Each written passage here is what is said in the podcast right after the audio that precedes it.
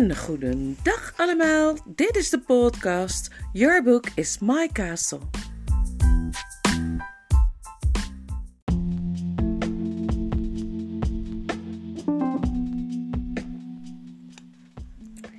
Dan zijn we al bij de 45ste aflevering van deze podcast. En we zijn al bij het derde boek van uh, de Chronieken van Narnia. Prins Caspian, hoofdstuk 13. En het hoofdstuk 13 heet Onder leiding van de Hoge Koning. Zo, zei Peter toen ze hun ontbijt op hadden. Aslan en de meisjes, ik bedoel koningin Suzanne en koningin Lucie, Caspian, zijn hier ergens vlakbij. We weten niet wanneer hij in gaat grijpen. Op zijn tijd, dat spreekt vanzelf, niet op de onze. In de tussentijd moeten wij zelf doen wat wij kunnen. Zo wil hij het altijd. Caspian, jij zegt dat we niet sterk genoeg zijn om Miras in een georganiseerde veldslag aan te pakken? Ik ben bang voor niet, hoge koning, zei Caspian. Hij vond Peter erg aardig, maar hij wist van verlegenheid niet goed wat hij moest zeggen. Het was voor hem veel vreemder om de grote koningen uit de oude verhalen tegen te komen, dan het voor hen was om hem tegen te komen. Uitstekend, zei Peter. Dan zal ik hem een uitdaging sturen voor een duel. Daar had tot nog toe niemand aan gedacht. Zou ik dat zelf niet kunnen doen? zei Caspian. Alsjeblieft, ik wil mijn vader wreken.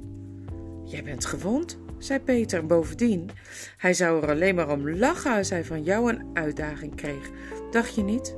Ik bedoel, wij hebben gezien dat je een koning en een krijgsman bent, maar hij beschouwt je nog als een kind. Maar sire, zei de das, die heel dicht naast Peter zat en geen moment zijn ogen van hem af kon houden. Zou hij een uitdaging van u wel aannemen? Hij weet dat zijn leger sterker is. Je hebt best kans dat hij niet wil, zei Peter. Maar we kunnen het altijd proberen. En zelfs als hij niet wil, zullen we toch het grootste deel van de dag bezig zijn met het heen en weer sturen van boodschappers en al dat soort dingen. Tegen die tijd heeft Aslan misschien al wel iets gedaan. En in ieder geval heb ik dan de tijd om troepen te inspecteren en onze positie te versterken. Laat mij die uitdaging maar sturen. Weet je wat? Ik zal hem meteen schrijven. Hebt u pen en inkt, hè, dokter?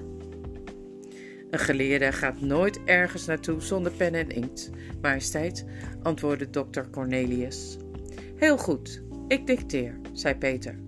En terwijl de dokter een stuk perkament uitspreidde, zijn inkthoorn openmaakte en zijn pen bijsleep, leunde Peter met halfgesloten ogen achterover en zocht in zijn herinnering naar de taal die hij lang geleden had gebruikt om brieven mee te schrijven.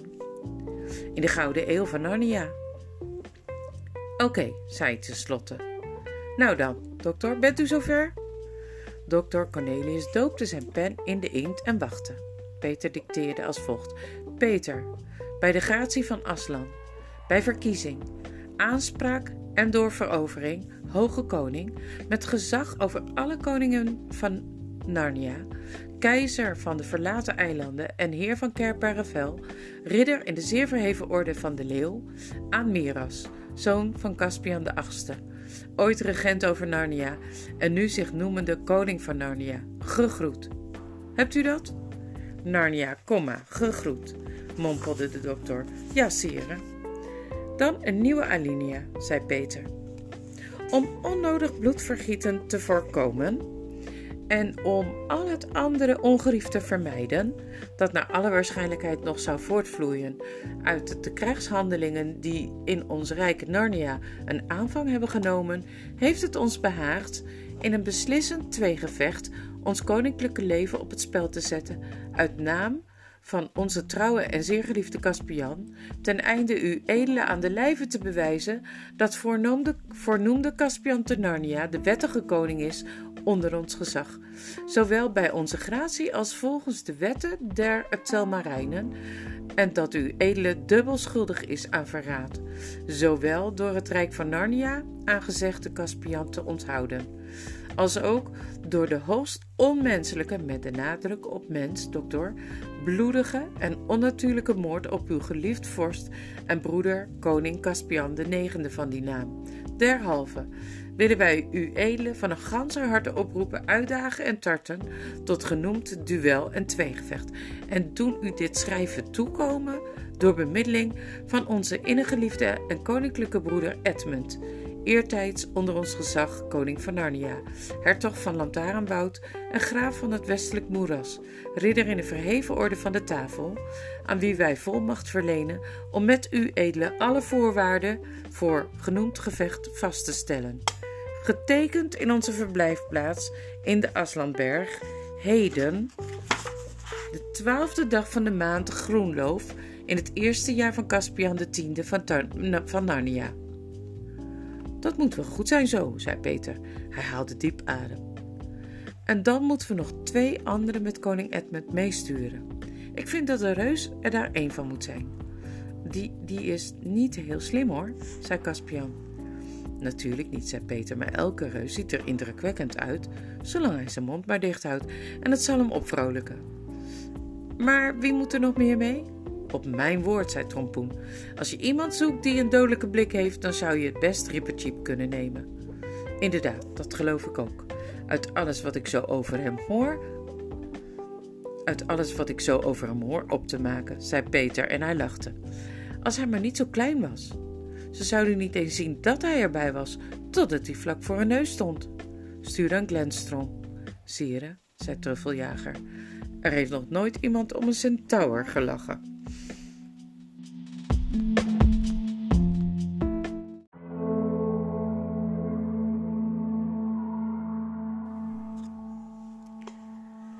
Een uur later liepen twee hoge heren uit het leger van Miras, heer Glozelle en heer Sopestian, Sopespian, rustig heen en weer te drentelen langs hun linies en de resten van hun ontbijt tussen hun tanden uit te peuteren. Toen ze opkeken, zagen ze uit het bos op de heuvel de centaur en reus Wimpel weer op zich afkomen. Die hadden ze tijdens gevechten meerdere malen gezien. Met tussen hen in iemand die ze niet herkenden. En zelfs de andere jongens bij Edmund op school zouden hem niet herkend hebben als ze hem op dit moment hadden kunnen zien. Want toen hij bij Aslan was geweest, had Aslan op hem geademd en hij straalde iets verhevens uit. Wat nu? sprak heer Glozelle. Is dit een aanval? Onderhandelaars eerder, sprak Sopespian. Zie maar, ze dragen groene takken. Hoogstwaarschijnlijk komen ze zich overgeven. Hij, die tussen de centaur en de reus inloopt, heeft anders niet de uitdrukking van iemand die zich wil overgeven op zijn gezicht. Wie mag dat wel zijn? Hij is niet de jonge Caspian. Zeer zeker niet, sprak Sopespian. Dit is een krijger uit de bergen, dat garandeer ik je. Waar die rebellen hem dan ook gevonden mogen hebben, hij is, dit is natuurlijk uitsluitend voor uw edele oren bestemd, een heel wat vorstelijker man dan Miras ooit geweest is. Wat een prachtige maliënkolder heeft hij aan. Zo kan bij ons geen enkele smidse maken. Ik verwed er mijn appelschimmel onder dat hij een uitdaging komt aanbieden en geen overgave, sprak Glozelle. Hoe nu? sprak Sopespian. We hebben de vijand op het ogenblik in onze greep. Miras zal vast niet zo'n leeghoofd zijn dat hij zijn voordeel gaat verspelen in een duel. Misschien zou men hem wel zo gek kunnen krijgen, sprak Glozelle, veel zachter nu. Zachtjes, zei Sopespian. Kom hier een beetje naar de kant staan, opdat die wachtposten ons niet horen. Nu dan, begrijp ik je bedoeling goed, mijn waarde? Als de koning zou deelnemen aan een beslissend tweegevecht, fluisterde Glozelle, wel, dan zou hij de ander doden, of zelf gedood worden, toch? Sopespian knikt. En? sprak hij. En als hij het is die dood, dan hebben we deze oorlog gewonnen. Zeker. En als hij het niet is, wel. In dat geval kunnen wij die oorlog even goed zonder zijn majesteit winnen. Want ik hoef u edelen niet te vertellen dat Miras geen geweldig veldheer is. En dan zouden we daarna niet alleen overwinnaar zijn, maar bovendien geen koning meer hebben. En u bedoelt, mijn heer, dat u en ik dit land zonder koning even prettig zouden kunnen besturen als met? Het gezicht van Glozelle werd lelijk. Laten we niet vergeten, sprak hij, dat wij het zijn die hem destijds op de troon geholpen hebben. En wat voor vruchten hebben we daarvan geplukt in al die jaren dat hij daarvan profiteert? Heeft hij ons ooit enige dankbaarheid getoond? Zwijg maar, je hoeft niet meer te zeggen, antwoordde Sopespian. Maar kijk, daar komt iemand ons halen om naar de tent van de koning te gaan. Toen ze bij de tent van Miras aankwamen, zagen ze Edmund en zijn beide metgezellen buiten zitten. Ze werden onthaald op cake en wijn, want ze hadden de uitdaging al afgegeven en ze hadden zich zo lang teruggetrokken terwijl de koning erover nadacht. Toen ze hem van zo dichtbij zagen, vonden de beide Telmarijnse edelen hen er alle drie bijzonder angstenjagend uitzien. Binnen vonden ze Miras, ongewapend en bezig zijn ontbijt op te eten. Zijn gezicht was rood aangelopen en zijn wenkbrauwen waren dreigend gefronst. Hier, snauwde hij. Hij smeet het stuk perkament over de tafel naar hen toe. Kijk eens wat een fabeltjes die apenkop van een neef ons gestuurd heeft. Met uw goedvinden, sire, zei Glozelle. Als de jonge krijger die we zojuist buiten de tent zagen zitten, die koning Edmund is, die in dit schrijven wordt genoemd, dan zou ik hem geen fabeltje willen noemen, maar meer een heel gevaarlijke ridder. Koning Edmund scheidt toch uit, zei Miras. Gelooft u edele in die oude wijvenpraatjes over Peter en Edmund en de rest? Ik geloof mijn ogen, majesteit, zei Glozelle. Nu ja, dit heeft geen enkele zin, zei Miras. Maar wat die uitdaging betreft, ik neem aan dat we daar allemaal dezelfde mening over hebben. Dat neem ik zonder meer aan, sire, zei Glozelle. En die is? vroeg de koning. Weigeren. Zonder er verder ook maar één ogenblik over na te denken, zei Glozelle. Want al ben ik nooit voor een lafaard versleten, ik moet eerlijk bekennen dat een duel met die jongeman meer moed vraagt dan ik zou kunnen opbrengen. En als, zoals te verwachten is, zijn broer, de hoge koning, nog gevaarlijker is dan hij, nou, mijnheer de koning, bij alles wat u lief is, blijf dan liever uit zijn buurt. Kraag de best jij, schreeuwde Miras. Om dat soort raadgeving heb ik je niet gevraagd. Denk je dat ik jou ga vragen of ik bang moet zijn om met die Peter te vechten? Als hij tenminste bestaat. Denk je soms dat ik bang voor hem ben? Ik wilde van jullie horen hoe we deze zaak politiek gezien het beste kunnen aanpakken. Of wij nu, terwijl we in het voordeel zijn, het risico moeten nemen de strijd door een duel te laten beslissen. Daarop kan ik alleen maar antwoorden, majesteit, zei Glozelle, dat die uitdaging, om alle redenen die er te bedenken zijn, absoluut geweigerd moet worden. Ik zie de dood in de ogen van die vreemde ridder loeren. Daar begin je weer, zei Miros, die nu pas echt kwaad begon te worden. Probeer je mij soms een even grote lafaard te laten lijken als je zelf bent, mijn waarde? Uw majesteit kan zeggen wat u wilt, zei Glozelle mokkend. Je praat als een oud wijf, Glozelle, zei de koning. Wat dunkt u, mijn edele heer Sopespian? Laat u er niet toe verleiden, sire, was het antwoord. Wat uw majesteit zojuist zei over de manier waarop we dit aanpakken, dat komt heel mooi van pas.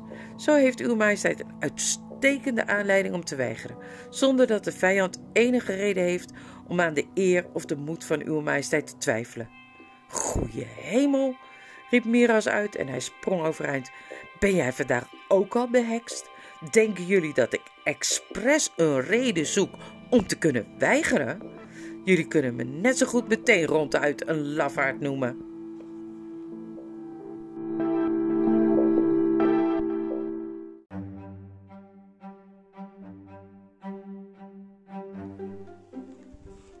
Het gesprek verliep precies zoals die beide heren wilden.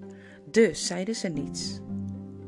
Ik weet wel wat het is, zei Miras, nadat hij ze een tijd lang zo strak had zitten aankijken dat het leek of zijn ogen uit zijn hoofd puilden. Zelf zijn jullie een stel lafhartige bangbroeken. En jullie hebben de brutaliteit om te denken dat ik net zo'n hazenhart heb als jullie. Redenen om te kunnen weigeren nog wel. Excuses om niet te hoeven vechten, Zijn jullie nou soldaten? Zijn jullie nou telmarijnen? Zijn jullie nou kerels? En als ik echt zou weigeren, wat tactisch gezien verreweg het verstandigste zou zijn als je het als krijgsman en als bevelhebber bekijkt, denken jullie zeker en laten jullie anderen denken dat ik niet durfde, of niet soms. Geen enkel verstandig soldaat, zei Gloselle, zal iemand van uw majesteits leeftijd ooit een lafaard noemen, omdat hij weigert te vechten met een groot krijger in de bloei van zijn jeugd. Dus, nu ben ik niet alleen een lafaard, maar ook nog een oude sok, die al met één been in zijn graf staat, bulderde Miras. Ik zal jullie eens iets vertellen, mijn heren. Met jullie verwijfde raadgevingen, die altijd maar om het belangrijkste punt heen blijven draaien, want het belangrijkste is de politieke kant van de zaak, hebben jullie precies het tegenovergestelde bereikt van wat jullie bedoeling was. Ik was van plan om te weigeren, maar nu neem ik het aan. Horen jullie me? Ik ga het aannemen. Ik ga mezelf niet voor schut laten zetten. Omdat jullie bloed in jullie ader is gestold door weet ik wat voor hekserij of verraad. We smeken uw majesteit, zei Glosselle. Maar Miras was de tent al uitgestormd. Ze hoorde hem tegen Edmund brullen dat hij de uitdaging aannam. De beide edelen keken elkaar aan en lachten in hun vuistje. Ik wist wel dat hij het dat hij het zou doen als we hem maar genoeg sarden, zei Glacelle. Maar dat hij mij een lafaard heeft genoemd, vergeet ik niet. Dat zal ik hem nog betaald zetten. Bij de Aslanberg ontstond een grote bedrijvigheid toen ze het nieuws mee terugbrachten. En toen al de verschillende wezens het gehoord hadden. Edmund had, samen met een van de aanvoerders van Miras, het strijdperk voor het duel al afgebakend met palen en touwen. Bij twee hoeken moest een telmarijn staan en één bij het midden van de ene zijkant als secondanten om op te letten of alles wel eerlijk verliep. Voor de andere twee hoeken en de andere zijkant moest de hoge koning secondanten aanwijzen. Peter stond juist aan Caspian uit te leggen dat hij geen secondant kon zijn, omdat het hele gevecht juist om zijn rechten op de troon toen opeens een dikke slaperige stem zei: Alsjeblieft, majesteit. Peter keek om en daar stond de oudste van de bolle beren. Alsjeblieft, majesteit, zei hij. Ik ben een beer, al zeg ik het zelf. Inderdaad, dat ben je zeker.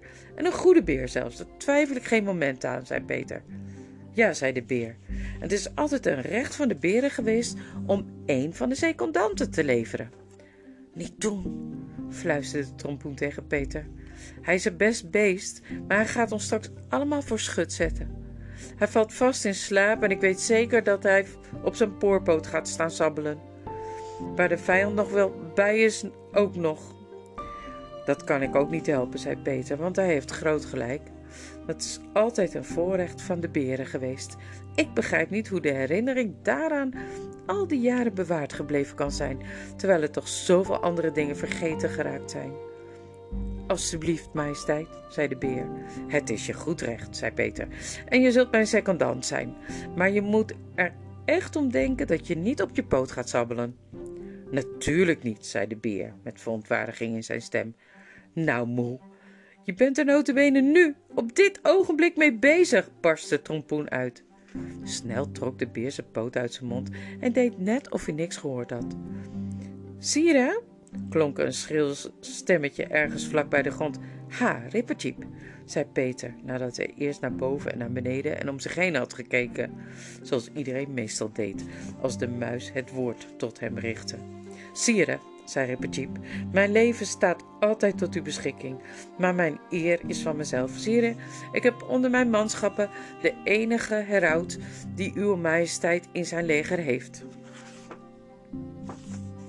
Ik had verwacht dat wij misschien wel gestuurd zouden worden om de uitdaging over te brengen. Sire, mijn mannen zijn teleurgesteld. Misschien zouden ze tevreden gesteld worden als het u zou behagen mij als secondant te benoemen. Secondant te benoemen. Ergens boven hun hoofd brak op dat moment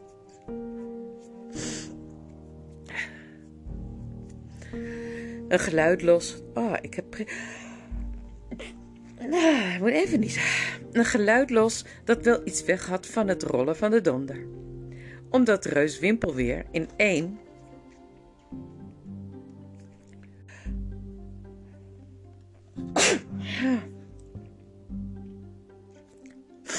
Sorry, ik even niezen tussendoor. Omdat reus Wimpelweer in een van die niet al te snuggere lachbuien uitbarstte, waar de reuzen van het aardige soort nog eens last van hebben. Hij herstelde zich onmiddellijk en tegen de tijd dat Trippercheap ontdekt had waar het geluid vandaan kwam, keek hij alweer zo ernstig als het graf.